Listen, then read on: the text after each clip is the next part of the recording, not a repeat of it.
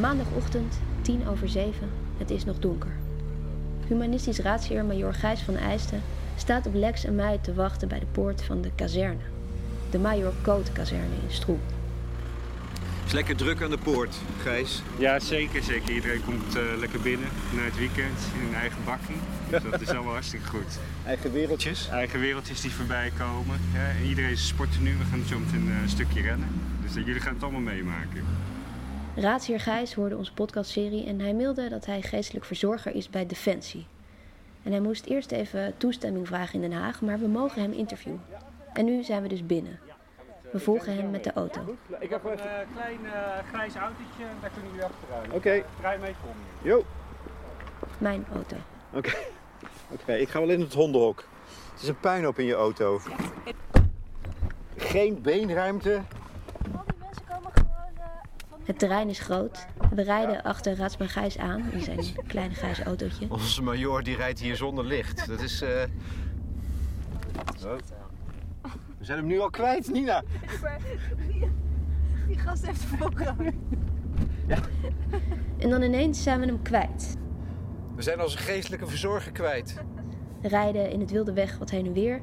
Geen idee waar we naartoe moeten, maar godzijdank, daar staat hij gelukkig te zwaaien op de stoep. Ja, wij tonen ons dus meteen totaal ongeschikt voor een baan bij Defensie. En dan parkeer ik vervolgens ook de auto nog eens scheef in. Gijs draagt zijn gevechtstenue en terwijl we de eerste jonge militairen zien langslopen in hun sportkleren op weg naar de appelplaats, schenkt hij koffie uit zijn veldfles. We hebben nog een paar minuten. Hij heeft ons uitgenodigd om mee te lopen met de wekelijkse veldloop op maandagochtend. Vijf kilometer rennen, maar dat hebben we vriendelijk afgeslagen. Lex is namelijk oud en ik onsportief. Ja, dat doe ik wel met gemak hoor, Lex. Ja. In welke tijd?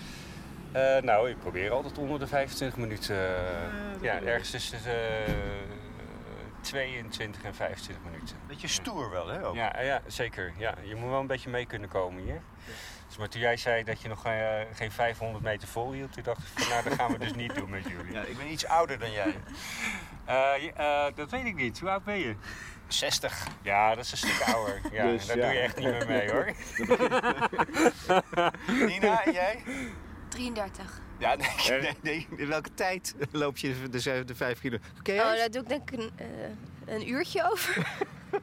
ik weet niet eens of ik weet niet of ik het kan. Ik had het wel willen uittesten. Op de Major Koot kazerne houdt het bataljon bevoorrading en transport domicilie. Hier zitten dus de vrachtwagenchauffeurs en de verbindingstroepen. Facilitaire, logistieke zaken, munitie, eten. En er is een militaire gevangenis. In totaal lopen hier ongeveer 1500 mensen rond. Maar als er 500 mensen zo meteen eh, hier aangetreden zijn en daar gaan 200 van lopen, dan denk ik dat we een hele goede ochtend te pakken hebben. Ja. Oh, oh, wacht even. Dit relativeert het ook al. Er zijn er nog 300 zoals ik. Ja, precies. Ja, ja, dat is wel het eh, doen, kenmerk. je? ja. Dat is wel een beetje het kenmerk hier van eh BNT-co. Is dat eh, mensen na het eh, appel eh, zo snel mogelijk weer of naar hun eigen bedje of een cluster eh toe vluchten als ze niet iets belangrijkers te doen hebben. Maar hebben Dat is een stil, stilzwijgend geheim hier. Het, eh, Nou, dat Ja. is vanaf nu dus afgelopen. ja, inderdaad. Nu weet de hele wereld het. Maar ga je slapen hier ook mensen? Ja, de slapen hier mensen. Ja, je ziet hier eh, die gebouwen tegenover. Eh, ja, dat is natuurlijk eh, Defensie een atypische werkgever. En dan kan je gewoon, als je daar zin in hebt... en sommige mensen die schijnen daar de zin in te hebben... dan kan je hier dus overnachten. Dan zit je hier eigenlijk 24-7 eh, ben je dan eh, van de baas. Overigens, vroeger deed ik het ook, hè? Vijf Het kilometer. is goed. Hou op over die 5 Ik geloof- kilometer, Ik Lex. geloof het. Dan begint het appel. We zijn getuigen van een ritueel. Het zootje ongeregeld schikt zich plotseling in keurige rijen bijeen. Is iemand jarig? Een bijzonderheid. Hij loopt naar voren, de kolonel.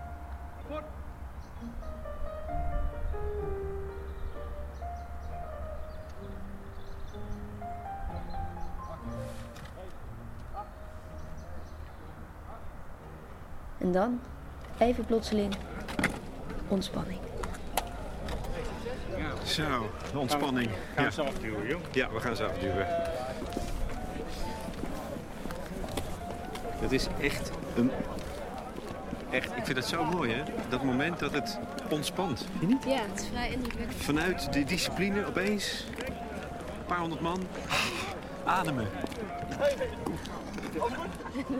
Kleding aan, dan kan ik wegrennen. Ja, inderdaad. Ga je rennen vandaag? Ja, nee, nou niet eens. Nee, Ja, oh, nee, nee. rest wel. Toch, gewoon- toch ook niet. Ga ik weer een keertje proberen? Ja, ja, ik, schiet je zo meteen weer ik weg? ga cardio dingetjes doen. Oh, oh, ja, ja, ja. Ja. Zou ik ook zeggen als ik jou Ja, precies. Eigenlijk gaan we gewoon een klein douchen, maar eh, Ja, ja. goed zo. Leuk om je te zien. ja, zo. De meute begint te rennen over het asfalt. En daar gaan ze. Heel rondje, hè? In de zomer gaan ze soms de hei op tussen het wild, maar nu blijven ze op het terrein.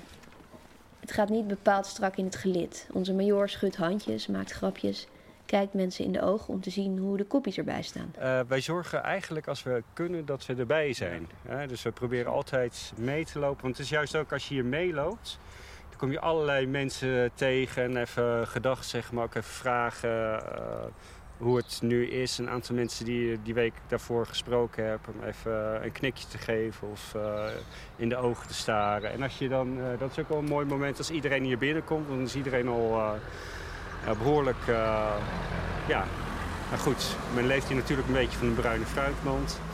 En dan, dan ligt men hier er ook echt wel na vijf kilometer ook echt wel af. Eh, dus de eh, bruine- dat is mooi. De bruine... Dat is bitter garnituur. Oké. Toch? Ja, het is bitter garnituur. Ja, ja, zeker. Alles wat uit het eh, frituurmandje komt. Ja. Maar, maar het, ehm, als ik daar zo sta, hè, ik maak dat niet vaak mee, dat heeft een, wel echt een effect op je. Eh, dat, Wat- dat, wat voor? Het ritueel, Ja. de, ja, hoe noem je het? Eh, die hele choreografie. ja, Het- het, alles heeft zijn plek, hè? Ja, ja, want dan staan ze ook heel, echt heel recht, letterlijk in een lijn met Ja. elkaar. Ja, dat wordt allemaal uitgelijnd ook. Er zijn allemaal commando's voor. Ja. En eh, ja, dat is toch ook het werk binnen Defensie. Eh, je geeft eh, je lijf en leden weg om eh, eh, te gehoorzamen. En hoe voelt dat als je in zo'n lijn staat? Nou, ik weet nog wel dat ik voor de eerst in uh, Goeiedag eh, in, eh, op de eh, militaire academie eh, zelf eh, zo'n groep moest aansturen. Want dat leer je dan ook als geestelijk verzorger. Dat het, eh, de- eh, voor mij was het heel heftig om te ervaren is dat je dus mensen kan aansturen alsof het een tank is. Want dat is wat je doet. Je, dus je, hè, je, je geeft een aantal commando's en de boel gaat bewegen. En dan ook zeg maar als één geheel. En het loopt ook gewoon door. Als je niet, niet de commando's weet, dan loopt het ook dus gewoon door tegen een muur aan. En dat is eh, eh, wat, je wat je hier je leert. Dus het is een, eh, het is een, dat is de kracht van Defensie, is dat het ook dat een machine is. En dat is ook tegelijk, ja, het is ook echt de schaduwkant, is dat het ook als een machine af en toe over mensen, individuele mensen heen walst. En is dat precies het moment waarop jij binnenkomt als geestelijk verzorger? Nou, dat zou niet, dit is niet het enige moment, maar dat is wel vaak een moment. Hè, als mensen echt in de knel komen met de organisatie. eh, waarin dus geen meer oog meer is voor eh, de menselijkheid. Hè, is dat, eh, waarin dat zeg maar, echt in de, in de knel komt, eh, dat iemand een eigen gezicht heeft. Dat kan dus heel vaak eh, gebeuren, is dat er niet doorgevraagd wordt hey, van wat is de context waarin dit voor jou gebeurt. Hè? Dus eh, Hmm. eh, dat iemand op zijn, zijn, zijn bed bijvoorbeeld blijft liggen en dat een sergeant-major dan denkt van ja, maar je moet gewoon, dat is toch normaal, is dat je dan zeg maar s ochtends om half acht hier bij een compagniesappel staat. Dus geen recht van spreken. En dat er, jij eh, toch een doorvraag is dat misschien een jongen nachten wakker ligt. Hè? Dus dat, eh, dat dat verhaal toch nog even eerst naar boven getrommeld moet worden. Ja, dus dat, eh, het leidt dus tot, ook tot groot onbegrip als iemand dus op een andere manier is. En dat is eigenlijk ook wel mooi van de geestelijk verzorger, vind ik. Wij doen natuurlijk mee. Wij hebben dat uh, gevechtstenu aan. Uh, we doen ook best wel uh, militaire dingen af en toe. Maar ik vind, als het hele bataljon aangetreden is... is dat een leek moet kunnen zien van... hé, hey, dat is een rare... Hmm. Die hoort er niet uh, direct bij. En dat, uh, nou ja, we hadden vanochtend reed ik weg zonder licht aan. Dat was echt niet gemaakt, maar dat is echt wel een beetje als uh, desgeestelijk uh, verzorgers binnen Defensie. en daar is mijn, daar, daar, dat vind ik heel mooi. Mijn collega's zijn daar heel ruimhartig voor. Maar ik ben een, binnen dat bedrijf van mensen die dingen echt doen, ben ik gewoon een enorme dromer. I was a highwayman. Along the coach roads I did ride. Sword and pistol by my side. Many a young maid lost her baubles to my trade. Many a soldier shed his lifeblood on my blade. The bastards hung me in the spring of 25. But I am still alive. Gijsbert van Eijsten is van huis uit psycholoog. Hij is dus ook geen echte major, maar in rang gelijkgesteld aan major. Dat is een salariskwestie blijkbaar. Hij zat vier maanden in Irak en kwam terug met een medaille. Hoe was het daar, willen we natuurlijk weten. Ja, hoe was het in Irak? Ik had, uh, ja, dat is, uh, is nu ook al twee jaar geleden. Uh, ja, dat is, dat, is heel, dat is eigenlijk een hele rare context. Hè? Dat je, je zit op een, um, op een compound. Uh, het grootste gedeelte van je tijd, van mijn tijd, heb ik daar gezeten. en af en toe naar de trainingslocaties in Noord, Noord-Irak of in de buurt van, van Kirkuk. Um,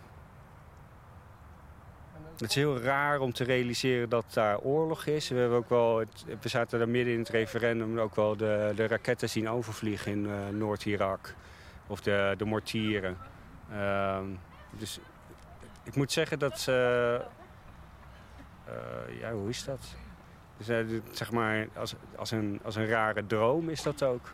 Het is als je terug bent, is iets wat je meegemaakt hebt of iets waar je geweest bent.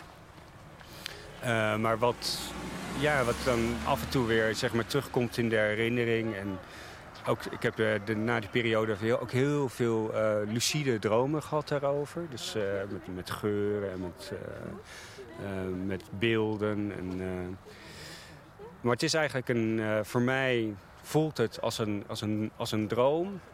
waar je, waar je, ik, heb een, ik heb dus een half jaar van mijn leven, bijna een half jaar van mijn leven zo geleefd. Samen met Um, met die mensen die daar waren. En ik, ik vermoed, ik weet niet hoe dat is, dat dat bijna van een grotere intensiteit is.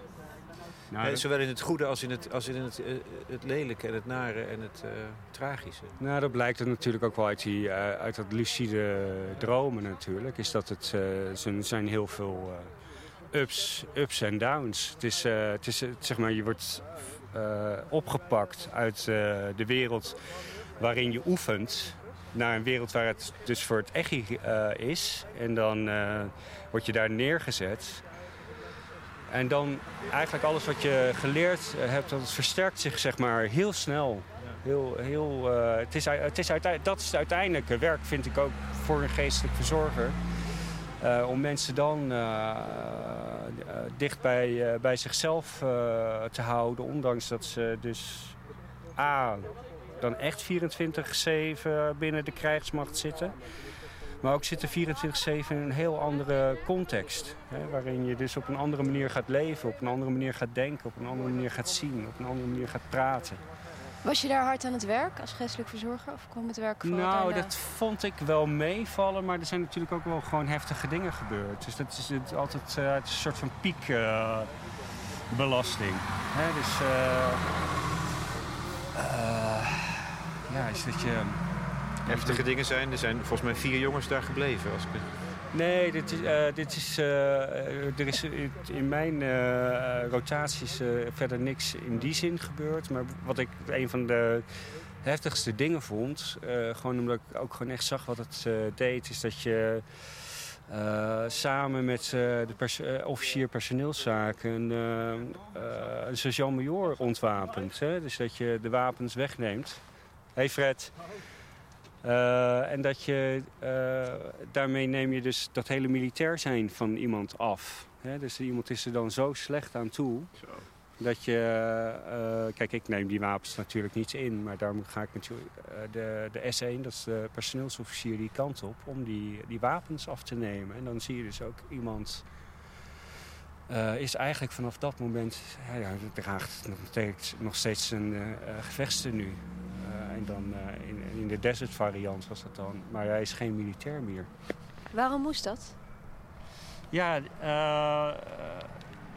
die man die voelde zich zo slecht daar in de context. Ook uh, in de samenwerking met mensen. Dat we vanuit zorgdisciplines en in overleg met, met Nederland, met zorgprofessionals die hier waren, ons zorgen maakten over zijn, zijn gezondheid. En ook over het feit of hij wel of niet wapens bij zich kon, kon dragen, kon hebben.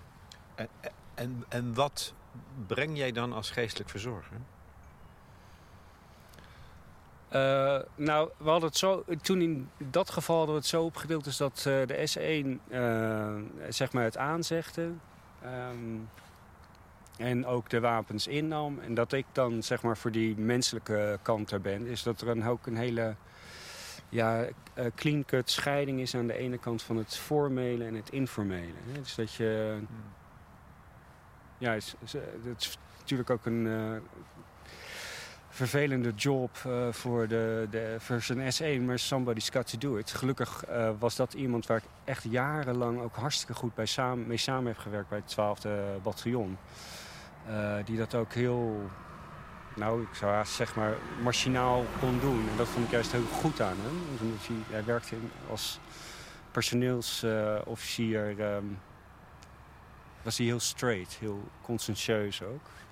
Dus dat past ook echt bij die rol. En dan, dat had, een, had ook zeker een stuk menselijkheid nodig.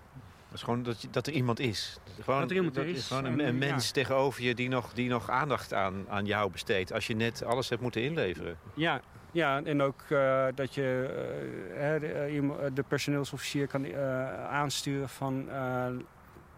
dus natuurlijk, die wapens die gaan ingeleverd worden... maar laat die man nou zelf zijn wapen pakken en die bij jou, aan jou afgeven.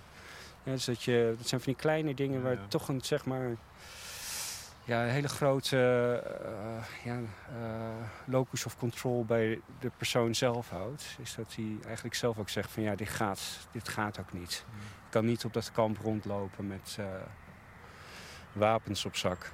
Zo. Ja. Dat, lijkt, dat lijkt me heel heftig, ja. ja. Zo. Ja, het gebeurt ook weer wel eens tijdens oefening. Ik heb het ook wel eens gehad hoor, op de schietbaan. Ja? Ja, ja, dat is ook gek. Dat is gek van ons werk. Maar dat is ook weer, uh, ja, ik zie dat, dat, dat gevaar dan ook helemaal niet. Die dromen in me. Van ik denk van, ja, er staat gewoon een jongen op die schietbaan. Die, is, die voelt zich niet lekker. Ja, dus laat ik er maar naartoe gaan.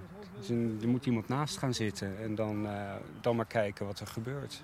Natuurlijk, dus een jongen staat wel met scherpe patronen in zijn, uh, in zijn wapen. En iemand anders, een, uh, een ander type, die ziet dan... dan moet eerst die, die persoon zijn wapens afnemen, want anders gaat ja, het mis. Ja, eerst, het gevaar weg, eerst het gevaar weg, ja.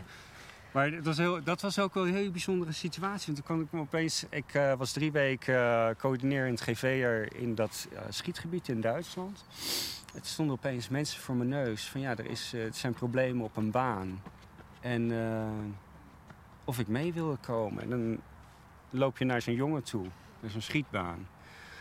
En dan, ik weet wat er moet gebeuren, maar dan maak je eerst natuurlijk even een praatje. En uh, dat, dat is natuurlijk een rare situatie. Dat je, het is een soort parallele uh, werelden. Want die, de hele organisatie is daar bezig met veiligheid. En die GVR die is bezig met contact maken. Met, ja, dus eigenlijk helemaal niet met die veiligheid. Ik denk, dat is misschien wel het sleutelwoord. Eh, ah, voor, eh, voor jouw werk, jouw positie, jouw functie. Hier binnen Defensie zeker. Contact, maken. Ja, ja, ja. hey, sorry. En ook uh, jezelf de mogelijkheid uh, geven om erbij uh, te mogen horen. Ik hou er zelf van om heel erg aan de randen van de organisatie te staan. Um, maar het geeft ook wel een goed gevoel is dat je... Het is de sport hè, die binnenkomt. Ja, ja. Sport, is, sport is als eerste. Ja. Nou, niet helemaal. Goed. Wat is dit nou? Wat? Ja, John. Gaat het goed, John? Ja, gaat heel goed. Ja. ja. Lekker gerend? Heerlijk gerend. Gaat steeds beter, hè? Ja, gaat steeds beter. Ja, goede tijd ook. Ja. Lekker in het zweet.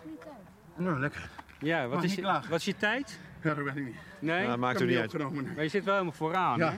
Ja. Ik heb er zes laten inhalen. Ja, ja. Dus uh, je maar moet ben als eerste gestart. ja.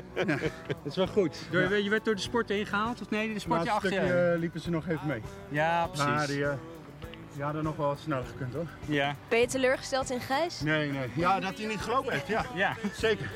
Dat is wel iemand En eh, ik, vorige eh, week kwam ik ook al achter je Ja. binnen, hè? Ja, dat eh dat is wel iemand week waar ik een horen. gezonde, eh, ja, hoe noem je dat? Competitie? Ja, gezonde competitie meer. Oh ja, Ja. goed. Ja, Jullie kunnen je aan elkaar optrekken. absoluut. En misschien ook wel gek maken. We hadden het er net over dat het ook wel een mooi moment is hier, toch? Altijd Dit maandagochtend. is uh, samen moment. Ja. Gewoon even met eh, de kerels. Even. En even, wat hebben we het weekend gedaan? Even lekker eh, afstomen ook. Je eigen tempo kunnen bepalen. Heerlijk. They buried me in that great tomb that knows no sound. But I am still around. I'll always be around, around, and around,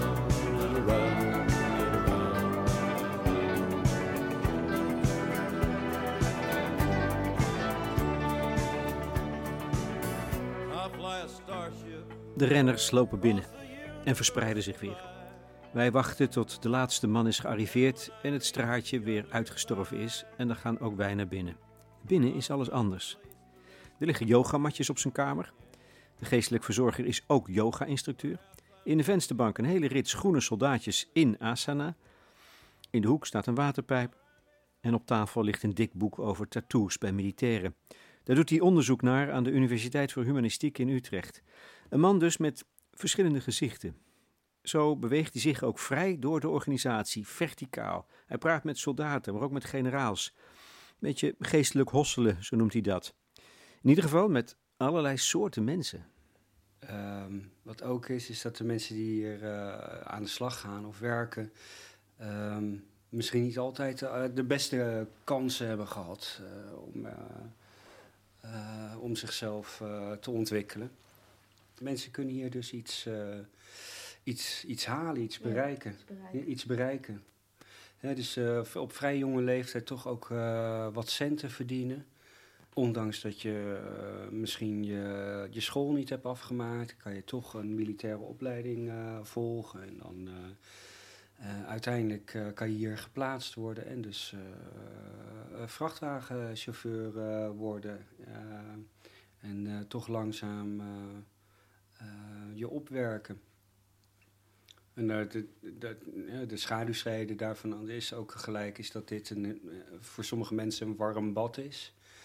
Eh, waarin eh, hè, dus die structuur geboden wordt, waarin gezegd wordt wat je, hoe je eh, leven moet en wat belangrijk is. En aan de andere kant, als mensen dat dan weer ontgroeid zijn, of langzaam zeg maar in een periode komen dat ze denken van hé, hey, misschien wil ik toch iets anders voor het leven, is dat ze dan toch ook schrikken om dit hek uit te gaan. Ik zeg wel eens, dat hek staat er niet voor om mensen buiten te houden, maar die, dat staat er om jou binnen te houden. En eh, aan de andere kant is natuurlijk ook wel, eh, Defensie heeft met eh, leegloop te maken. Want als je hier ook, want als je vrachtwagenchauffeur bent, dan kan je ook in de burgermaatschappij goed, goed geld verdienen. Jij houdt je ook bezig met de ethiek van de organisatie. Dat, is ook, dat vind jij een taak voor de geestelijk verzorger die jij bent. Ja, ethiek is altijd zeg maar de, zeg maar de structurele reflectie eh, op de moraal. Wat ik veel interessanter vind is dat we liepen net eh, terug naar de startplek van de veldloop. En dan, eh, hè, dus dat, eh, je kan je voorstellen als mensen helemaal achteraan lopen, is dat die dan terugkomen en dan is eigenlijk iedereen al weg.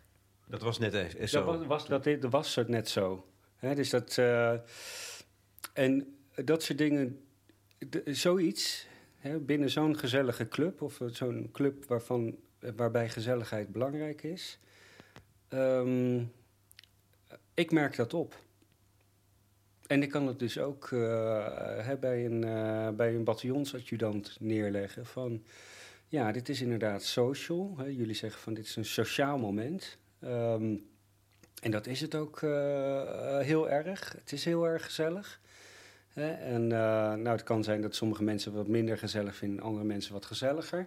Maar wat mij opvalt, is dat uh, aan het einde van die veldloop, is dat de laatste mensen eigenlijk in een leegte uh, over de finish komen. Nou, dat is eigenlijk de vraag oproepen van, doen we het op deze manier wel goed?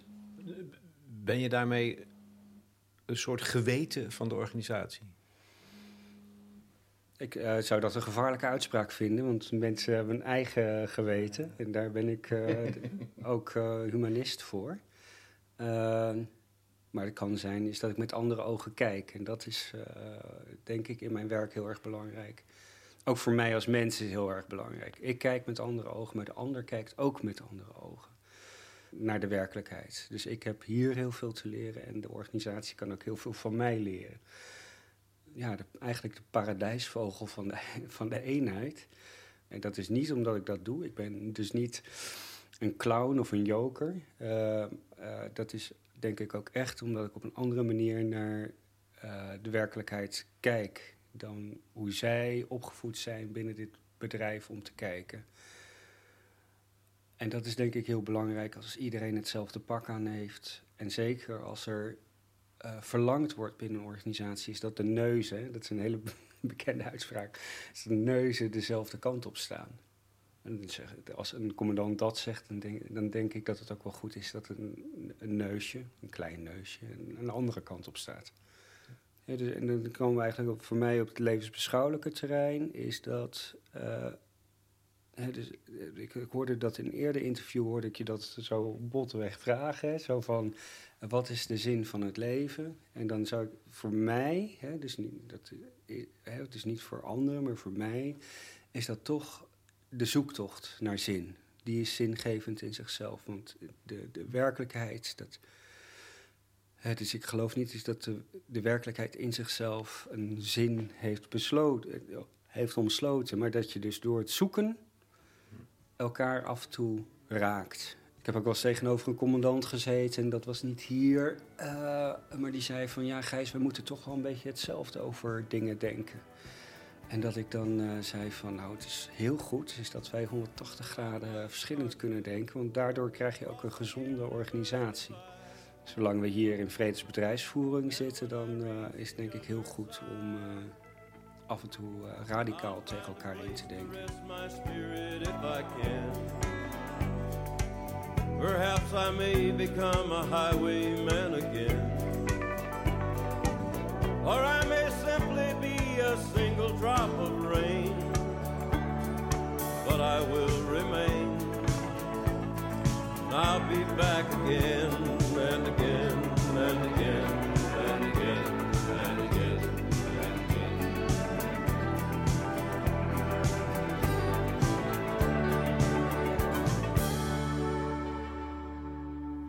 Defensie adverteert, als ik het goed me herinner, op het moment met een slogan uh, die zoiets luidt als verder kijken dan jezelf.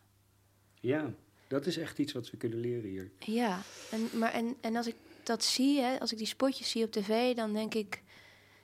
Ik kan me bijna voorstellen of het lijkt alsof het zich richt tot iemand die thuis zit en die denkt: ik voel niet wat de zin is.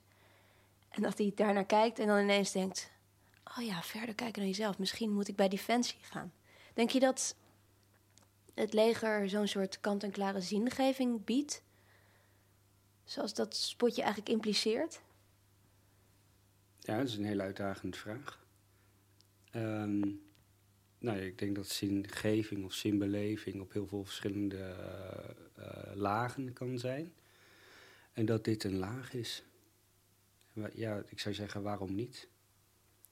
Waarom is dit niet een. Uh, ik denk dat wij uh, veel van Defensie kunnen leren als het gaat om saamhorigheid. Als het gaat om zelfopoffering. De, Defensie is ook een familie. Er werken hier veel mensen die uit gebroken gezinnen komen of uh, uit ongezonde uh, opvoedsituaties. Natuurlijk niet iedereen. Maar Defensie die biedt veiligheid, die biedt structuur, die biedt doel, die biedt, uh, die biedt een familiestructuur. Je ziet dus ook uh, in, uh, uit recent onderzoek, is dat uh, mensen dus ook op die manier refereren hè, naar uh, gezag, gezagsdragers, commandanten als vader of als moeder of als. En nou, ik, had, ik heb het zelf ook gehad tijdens mijn uitzending, is dat je van, van een raadsman of vanaf major raadsman naar raadsman Gijs, naar neef, naar broer gaat. Hè? Dus dat, daar, daar, zit, daar, daar zit zeg maar echt een, uh, een soort van schaal van betrekking op. Van hoe dicht je erbij mag komen, hoeveel je erbij hoort. Mensen zeggen van hè, je broer tegen je zeggen over, dat, uh, over de compound, dan, uh, dan weet je zeker dat je er echt helemaal, helemaal bij hoort. Zeggen mensen überhaupt wel eens, wat doe ik hier eigenlijk? Vraag ik me af. Dat is best duidelijk. Dat is, uh, ja, dat is inderdaad best duidelijk wat mensen hier doen. maar mensen komen hier natuurlijk in de knel. Hè. Dit, is, uh, dit, is, niet alleen een familie, maar het is ook een machine.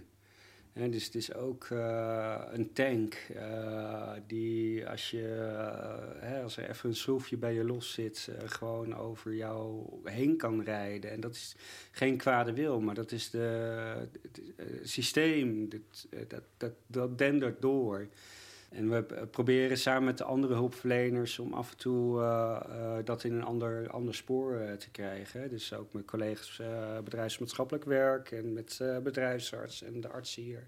Maar je, je, opereert dus, als het daarover gaat, denk ik in dat spanningsveld tussen wat de organisatie wil, de structuur wil, en individuen. Ik kan me voorstellen dat de generaal denkt, ja, maar dat individu... Je, je, levert, je zei net, je, je levert alles in. Je lijf en leden voor die organisatie. Dus dat gaat ten koste van je individualiteit. Daar zit natuurlijk de, daar zit de spanning, denk ik. Ja, en de spanning zit ook is dat uh, dus uh, leidinggevende niveaus vaak te ver weg staan van de ja. werkvloer, waardoor... Uh, dat is overal zo, dat is in elke organisatie ja, zo. maar in dit geval, omdat met lijf en leden, is dat dus ook dat menselijke gezicht dus niet meer zichtbaar is. Ja. He, dus als je commandant moeite doet om de werkvloer op te gaan en mensen even in het gezicht uh, te kijken van hoe staat het erbij, ik denk dat je dan al een veel betere job doet dan ja. vanuit uh, achter je werktafel je werk goed proberen te doen en ook op een menselijke manier te doen. Want daarvoor moet je eigenlijk mensen in de ogen kijken. Maar daar wordt het leger niet minder doelmatig van? Van het mensen in de ogen kijken? Ja. Nee, daar wordt het niet minder doelmatig van. Nee. En dan heb je ook denk ik wat meer grip op het, natuurlijk ook hier binnen de defensieorganisatie veel relaties die stuk lopen. Dat is toch wel ook wel een van de grote. Maar dat is, ja, dat, uh, als ik dan naar mijn periode bij Luchtmobiel kijk. Uh, daar ben ik drie jaar ben ik ook amper thuis geweest. Kijk, dat is, voor mij is dat drie jaar plaatsing. En dan kan ik naar een andere uh, club toe. Voor heel veel mensen hier is een andere plaatsing. Betekent dat dat je weer in dezelfde club terechtkomt. Dus dat je net zo operationeel weer verder gaat. Dan dat je daarvoor gedaan hebt. Dus dan, ja, wat voor leven is dat? Denk je dat mensen dat als een offer zien? Uh, ik, denk het niet. Ik zie het zelf wel als offer. Uh, maar ik denk dat het wel voor iedereen een offer is. Als je iets nastreeft, dan zal je ook... Hè, dus een beetje uh, existentieel. Van als je ergens voor kiest, dan kies je niet voor het andere. Dus als je kiest om op oefening te gaan, wat je dus niet kiest, want je krijgt de opdracht, is een beetje een valse keuze, laat ik het zo zeggen. dan kies je ervoor om niet thuis te zijn. Als je kiest om op uitzending te gaan, dan kies je er dus voor om niet. En dat kan ver gaan, hè? Dus dat gaat over de verjaardag van kinderen, dat gaat over oud en nieuw, dat gaat over kerst, dat gaat over Sinterklaas. En dan niet het, uh, zeg maar één jaar, maar vaak jaar op jaar. Er zijn bepaalde beroepen binnen de defensieorganisatie Zoals uh, verpleegkundigen of uh, verbindelaar, hè, dus mensen die zich bezighouden met uh, verbindingen, die zo overbevraagd zijn, is dat mensen vaak na een periode dat ze niet op uitzending kunnen, dat is een jaar, weer gelijk op uitzending gaan. En jij als humanistisch raadsman bent in staat om dat te verdedigen? Grappig genoeg is dat voor een, voor, misschien voor een, voor, een, voor een christelijke raadsman nog makkelijker vanuit, het religie, vanuit ja, de religie te doen. Denk ik wel, ja. Ja, ik denk dat het voor een, vanuit de christen. Ja, dus voor, je ziet ook binnen de defensieorganisatie dat het wat uh, conservatiever uh, beeld heeft, ook voor binnen de geestelijke verzorging. Hè? Maar dan, je zou kunnen zeggen voor uh, wat ehm, conservatiever christelijk collega, als ik het zo mag zeggen, hè, voor God, volk en vaderland. Ja. Hè, dat is het offer. En ja, hoe, hoe verdedig jij het dan? Nou, ik, dat, is het, dat is denk ik mijn punt, is dat ik hoef dat niet te verdedigen. Ik ben er voor de jongens en meiden hier op de werkvloer. Zij, eh, de, de context is er. er wordt van mensen gevraagd vanuit uh, de overheid om bepaalde werkzaamheden te verrichten. Uh, daar kan ik heel veel van vinden. En of dat op deze manier uh, gebeurt. maar dat is, ik zou zeggen, nou, ik zeg niet, niet dat het dan niet mijn verantwoordelijkheid is. Maar daar ligt mijn, mijn werk ligt op dat niveau van de mensen die hier in de organisatie aan het werk zijn. Ja. En ook tijdens uitzendingen, want dat is zo'n beetje de vraag die ik ook veel heb gehad rondom uitzendingen. Van kan je erachter staan? Ja, misschien sta je er niet achter, maar je moet wel mee als geestelijk verzorger. Maar ik neem aan dat je ook niet al te existentieel moet gaan morrelen over de zin van het leven. Nee, maar dat hoeft ook niet. Je hoeft ook niet altijd te filosoferen over de zin van het leven. Er gebeurt ook, ja, Kijk, ja, uh, ik heb te maken met jonge mensen. Ik, lag gisteravond in mijn bed en ik dacht van... oh, dit is misschien wel een van de vragen die voorbij kan komen... van wat zijn nou rare onderwerpen of wat... Um, maar ik heb wel op uitzending een jongen naar me toe gehad... en die maakte zich druk over, uh, over uh, hoe vaak hij zichzelf bevredigde bijvoorbeeld. Dat komt ook voorbij. Daar gaat het dan ook over. Ja, um, Te vaak? Te weinig? uh, nee, maar het gaat eigenlijk uh, zeker op dat informele niveau vaak over, uh, over intimiteit, over seks, over hoe het, het eigen lichaam. En ja, dat heeft ook wel een link met mijn onderzoek, dat ik dacht van ja, maar eigenlijk is dat dus ook een bron van, van zingeving. Dus, en zo'n jongen die dan, ja, die dat dan ook ja, enorm. Hij kwam ook heel lachend binnen, maar die zich dan daar toch even druk over maakt. Van is dit normaal, raadsman? ja, en de, ja, we zitten nu aan het einde van uh, de uitzending. Uh, je hebt hier geen uh, intiem contact met een ander. nou ja, hoe heet het? zeg maar, wat vind je er dan abnormaal aan, weet je wel? Dus dat is dat zijn ook van die dingen die hier gebeuren. En ik denk, ik denk dat is ook een goed teken. Dat iemand daarover met, uh, met mij over begint. Yes, I understand that every life must end.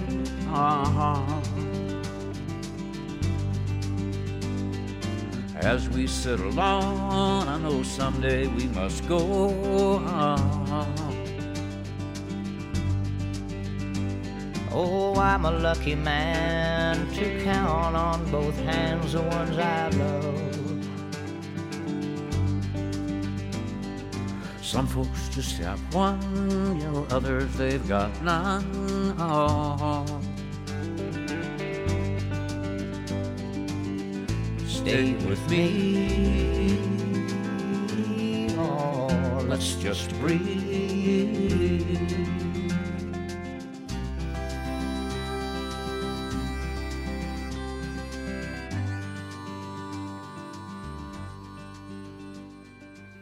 vrijdag had ik een borrel bij mij thuis. Uh, met twee uh, nou één is nog militair en de ander, ja, zijn er al bij militair. Die ander gaat wel de dienst thuis uit. Maar dan gaat het dus bij mij thuis aan tafel over dit soort dingen.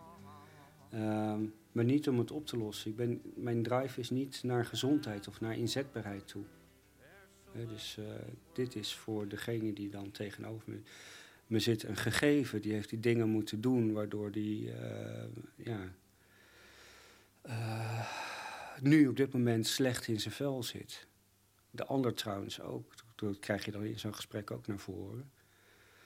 Ja, dus die gevechtservaring, dat is toch wel een hele indringende ervaring waarbij uh, ja, er toch een knop omgaat dus de, dan zit ik dus aan tafel. Uh, het is eigenlijk een, een, leuke vrijdagmiddagborrel. Maar dan gaat het dan waar hè, eh, Noor en Moos en Lola bij zitten, gaat het over uh, s'nachts midden in de nacht wakker worden en allerlei gedachten hebben uh, die donker zijn. En ja, toch ook die knop willen omzetten met alcohol. En ook over de zin van het leven. Is dat je een dochter hebt waarvoor je het uh, allemaal doet. Um, ja, en dat is toch denk ik ook wel de, de gegevenheid van het militaire bedrijf. Is dat allemaal, dus dat komt allemaal samen. Waarom, waarom ben je nou ontroerd? Nou, ik, ik denk dat het wat um, voor militair heel belangrijk is. Dat, ja, ik, hij, hij, hij appte me. ik pak even mijn telefoon. Hij appte me iets uit een van mijn artikelen. En da daardoor werd ik niet ontroerd, maar meer uh, over waarom, waarvan hij echt zei van... hé, hey, hier gaat het om, Gijs. Um, het, het, het, gaat over een tatoeage die een militair op zijn, zijn, zijn lichaam heeft, een Amerikaanse militair. En daar staat: We are the unwanted, using the outdated, led by the unqualified to do the unnecessary for the ungrateful. En wat je dus, uh, dat is. Um, ja, dat besef jij dus op zo. Dat, nou, dat wat is ik waar. besef is dat uh, iemand dat, dat dus bij zich draagt. Ik heb het. Ik, kan het dus wel navoelen. Dus ik bedoel, van, het is ook een systeem waar ik dan zelf uh, in zit. Um, maar niet zo heftig als uh, deze twee uh, kerels. En um, wat voor militairen buitengewoon belangrijk is... en dat zit natuurlijk ook in dat zoeken naar gezins- familiestructuren... is geaccepteerd worden, gezien worden... He, dus ondanks het feit is dat je je niet goed voelt of af en toe het licht uit je ogen zuipt, is dat je mens bent. En dat, datgene wat je dus um, in, in de waagschaal gezet hebt, is dat je dat dus gedaan hebt voor al die mensen om je heen. Die eigenlijk op het moment is dat je daarover begint te praten, de andere kant op gaan kijken. Dus wat je als geestelijk verzorger doet, is voortdurend bijblijven voortdurend navolgen, voortdurend bijblijven en blijven bellen. En hè, dus bijna, soms op een bepaald moment zelfs bijna bemoeizorg, is dat je uh, die dus werkt aan die, uh, die, die, die bevestiging, hè, die zelfbevestiging van die, van, die, van kerels. Dat dit het dus is en dat ja, eigenlijk ook dat we daar te weinig over praten. Hè, van dat dat dat is de realiteit van oorlogsvoeren, is dat je aan de ene kant geeft het een kick en heb je een rare vorm van heimwee naar, uh, naar dat oorlogsgebied, naar dat uh, ook in het gevecht zijn. Um, en de andere kant levert je dat dus ook een soort hel op aarde op. Hè? Dus dat je, het opent een register waar mensen denk ik in de eerste plaats niet toe geneigd zijn. Hè. Mensen zijn eerder, hè, mensen worden grootgebracht aan de borst, zou ik haast zeggen. Waarbij het juist gaat om, om, om, om, het hechten en om zachtheid en om liefde en om acceptatie. Maar die, de, de, de kwaliteit om oorlog te voeren, die zit ook in de mens en die, die die roepen we actief als maatschappij in mensen op. We zetten mensen in dat veld neer. We vragen dat van mensen. En daarmee gaat er dus toch ook een heel andere realiteit open, die veel mensen die geen gevechtservaring hebben of geen militaire ervaring hebben, eigenlijk niet goed kennen. Nou, je hebt onderzoek gedaan naar die tatoeages. En die spreuk die je net noemt, die staat op iemands lijf. En als je het hoort, dan klinkt het bijna ja, een soort schokkend nihilistisch of zo. Maar het staat wel als in inkt op iemands huid. Gaat dat dan erover dat iemand wil dat anderen het begrijpen, dat anderen het zien? Over dat, dat is, uh, dat is, uh, ik ben nog heel erg in, met die theorievorming daarover bezig. Dat is je onderzoek naar tatoeages? Ja, dit is, dit, dit is een van de uh, artikelen die ik geschreven heb. Ik, ik heb zelf het idee is dat het is een het is een stille getuige en een goed verstaander heeft een half woord nodig. Als je bij militairen begint over, goh, wat heb je een mooie tatoeage, of, eh, en je staat ervoor open, je, eh, je laat zien, je, dat is eigenlijk een brevet van bekwaamheid. Is dat je de durf hebt, eh, de, de aandacht hebt om je te verbinden met dat wat iemand op zijn lichaam draagt of zij op haar dus lichaam. het is ook een vraag om aandacht eigenlijk, de tatoeage. Ja, het is, nou, het is een stille getuige. In die zin hoeven ze die aandacht niet. Het is een brevet. Als je erover begint, kan je het verhaal krijgen. Maar doordat je het vraagt, uh, toon je eigenlijk ook gelijk aan... is dat jij uh, waardig bent om het te ontvangen. Discreet in zekere zin. En het is ook een neerslag. Hè. Het is ook uh, wat we als geestelijke verzorgers vaak ook doen, ook met rituelen, is iets in tijd en in ruimte plaatsen wat misschien geen woorden heeft. En zij doen dat ook. Ze nemen dit pakketje altijd met zich mee. Met het zeg maar tatoeëren wordt het ook onderdeel, letterlijk onderdeel van jezelf. Dus dat is inderdaad iets heel magisch aan uh, tatoeages. Ja. Ik, als het gaat over onderzoek, wat ik van jou las, als het gaat over relatie tussen geweld, waar we het hier over hebben bij het leger, het gebruik van geweld, omdat het het geweldsmonopolie heeft, en zin. Um, er viel mij iets op dat er enorme behoefte is bij militairen, in, die, in gevaar geweest en met, met, met, geweld in aanraking gekomen, dat ze behoefte hebben aan verbondenheid.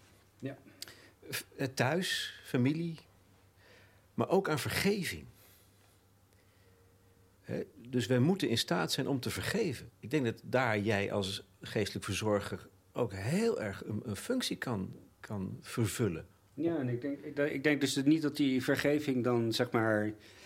Het woord vergeving zoals, zoals we dat kennen, is dat. Um, dat heeft heel vaak de connotatie van het inlossen of het kwijtschelden van schuld. Ja. En het gaat hier eigenlijk meer om die acceptatie ook. Okay. Het gaat hier om iemand recht in de ogen kunnen aankijken van dit, ja. is, dit is de mens. Dit, dit, dit, dit, is niet, zeg maar, dit ben, niet, dit, dit, dit ben jij niet alleen. Hè? Dit, is, dit, dit, dit, dit is ja. de mens. En dit heb jij dus op een of andere manier moeten doen. En, het, en je hebt het ook gedaan. Um, maar, en ondanks dat er een knop is omgegaan in je hoofd, of dat je dingen gezien hebt die andere mensen niet gezien hebben, blijf jij wie je bent. Uh, dit, je, er is zoveel meer zeg maar, dan alleen um, die gevechtservaring. Het is, ook zo'n quote die we dan vaak gebruiken, zo'n one-liner. Het uh, militair zijn en jezelf blijven. De neiging is, uh, denk ik, om je te verschansen in het militair zijn. Want daar is, kijk, hier onder de, de mannen en vrouwen is het gerechtvaardigd. En er gaat niemand een vraag stellen. Ik zat laatst ook in een kroeg met een uh, militair. En, en, en uh, er was een, iemand anders ook bij. En die, die gaat dan vragen daarover stellen. En je ziet dat gelijk richting de afgrond gaan. Hè?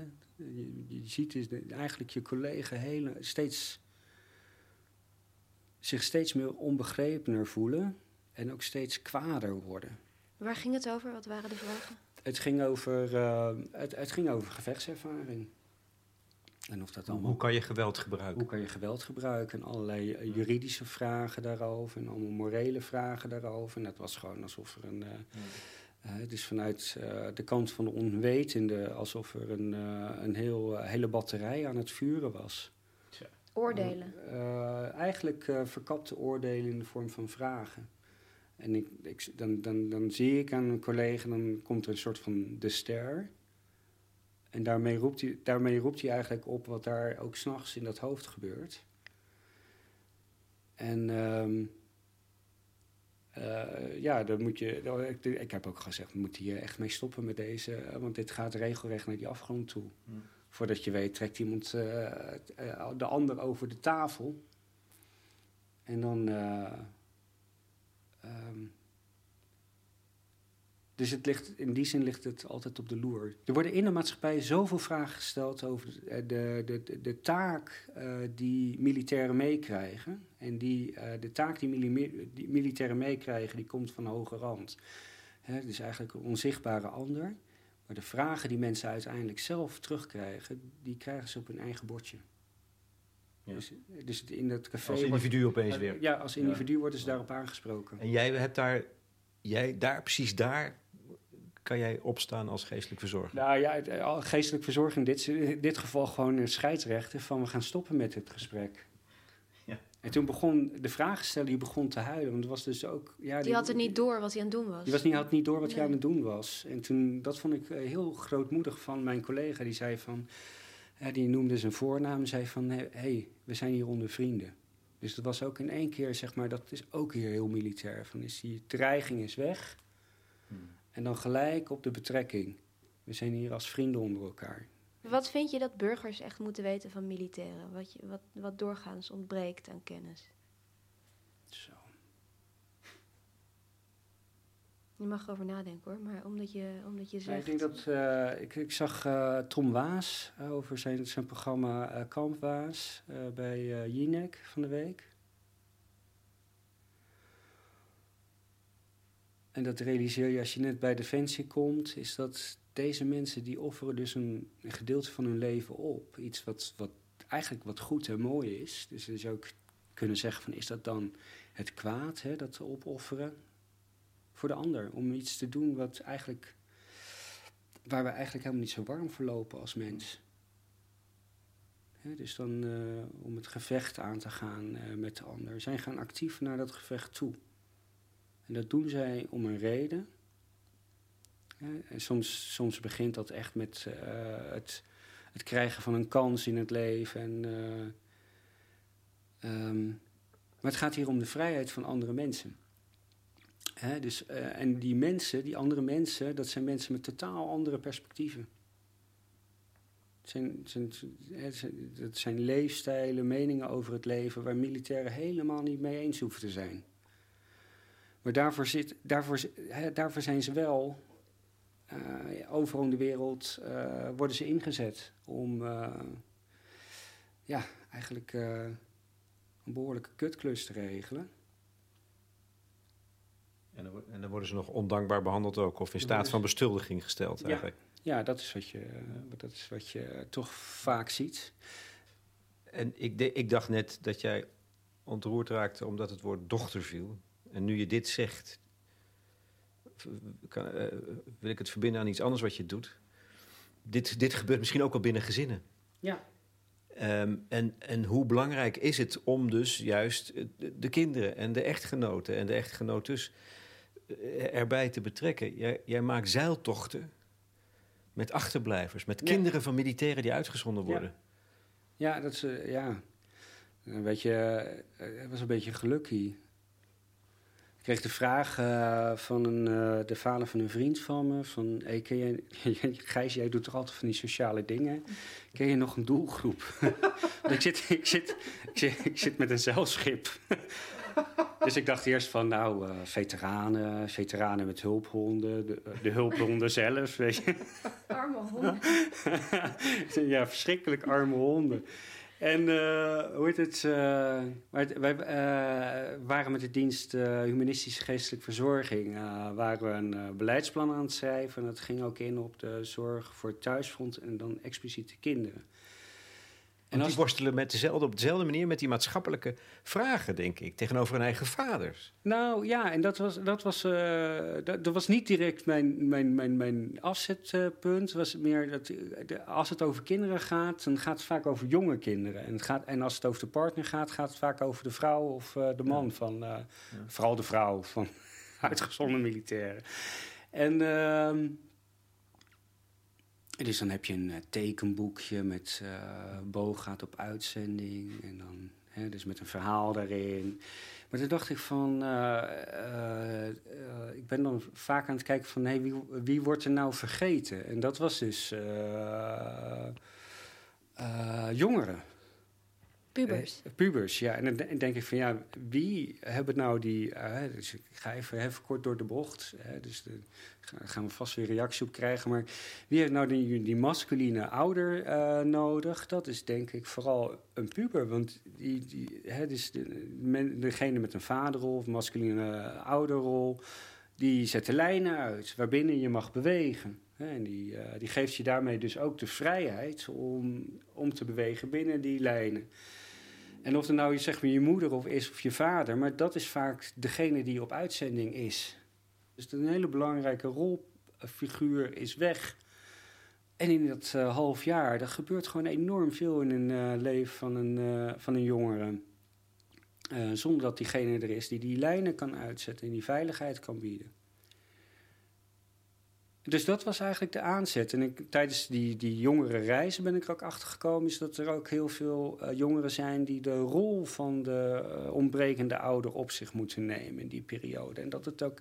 die reis begon in eerste instantie van een leuke zeilreis voor jongeren.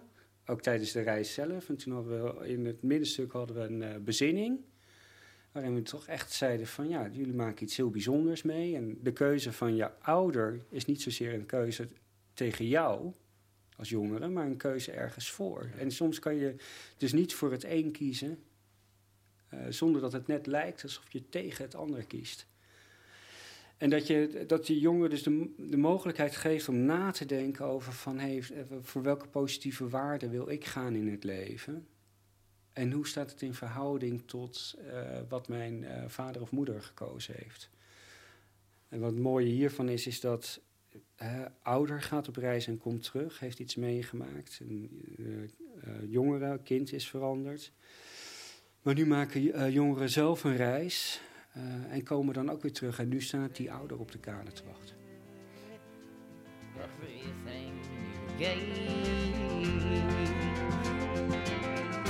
Did I say that I need you? Oh, did I say that I want didn't, I'm a fool, you see. No one knows this more than me. As I come clean.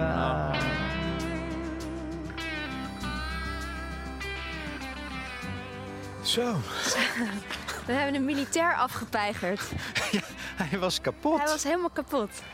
Maar dat snap ik wel. Ja, ik snap dat ook wel. Het was heel intens. Ja. Hè? Het was heel intens. Ja. Ja. Vorige week waren we bij, bij iemand die heel dicht bij God was. En nu waren we bij een militair. Is voor mij tamelijk exotisch allemaal. Ja, dat vind ik ook wel het bijzondere van ook deze ontmoeting. Dat je in een wereld terechtkomt waarvan je je opeens realiseert hoe weinig je ervan af weet. Ja. Huh? Heel weinig. Ja, hoewel ik toch wel, als je er dan zo over hoort, eh, ook wel veel dingen herken. En ik vond het heel interessant wat Remco vorige week zei. Dat was ook iets wat ik, eh, wat ik wel wist, maar wat hij nog even benadrukte. Dat zingeving tegenwoordig vaak gaat over werk. En hier zie je hoe het is als echt alles werk is. Als werk en persoon samenvallen. Eh, en de- eh, als de offers zo groot zijn, Ja. wat dat dan betekent. Alles, alles geven. Ja, wat hou je dan over voor jezelf?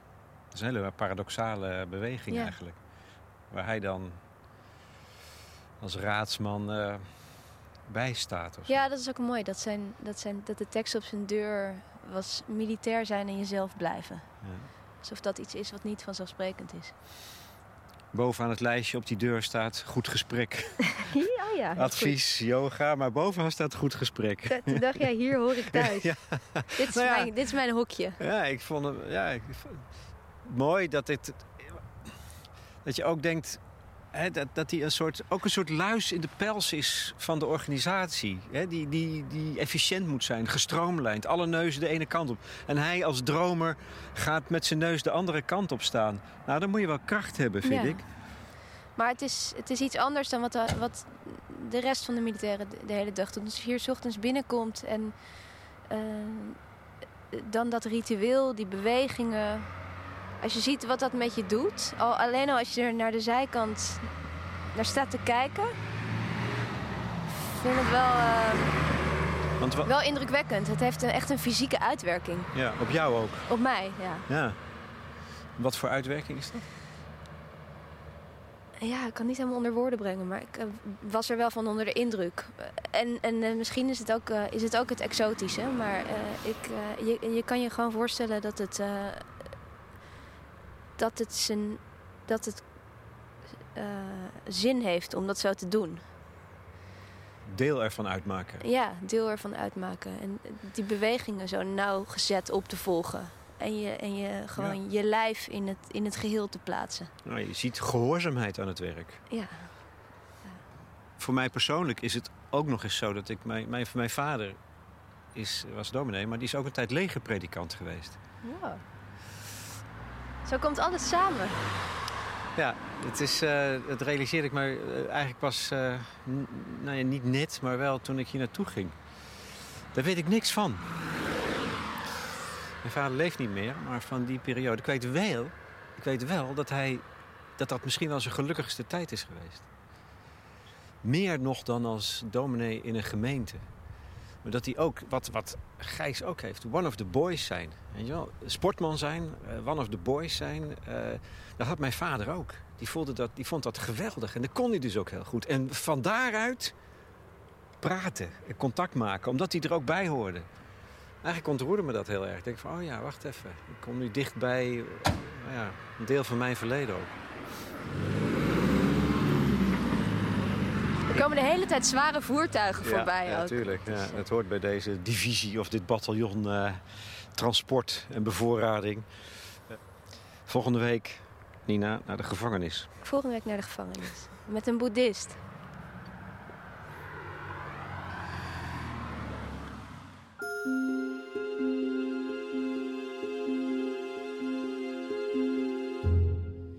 Dit was de derde aflevering van onze serie over geestelijk verzorgers.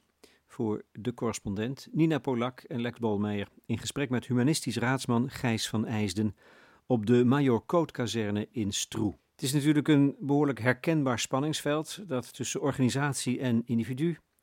Laten we daarover doorpraten op het platform van de correspondent. Reacties kunnen jullie kwijt op het forum. Gijs van IJsden leest en denkt mee. We maakten trouwens gebruik van zijn favoriete muziek, Just Breathe van Willie Nelson en Highwayman door The Highwaymen. Fijn toepasselijk ook deze brotherhood van vier door de wol geverfde zangers. In de volgende aflevering spreken wij met de boeddhistische geestelijk verzorger Monique Rietveld. En die werkt in een penitentiaire inrichting in Nieuwegein.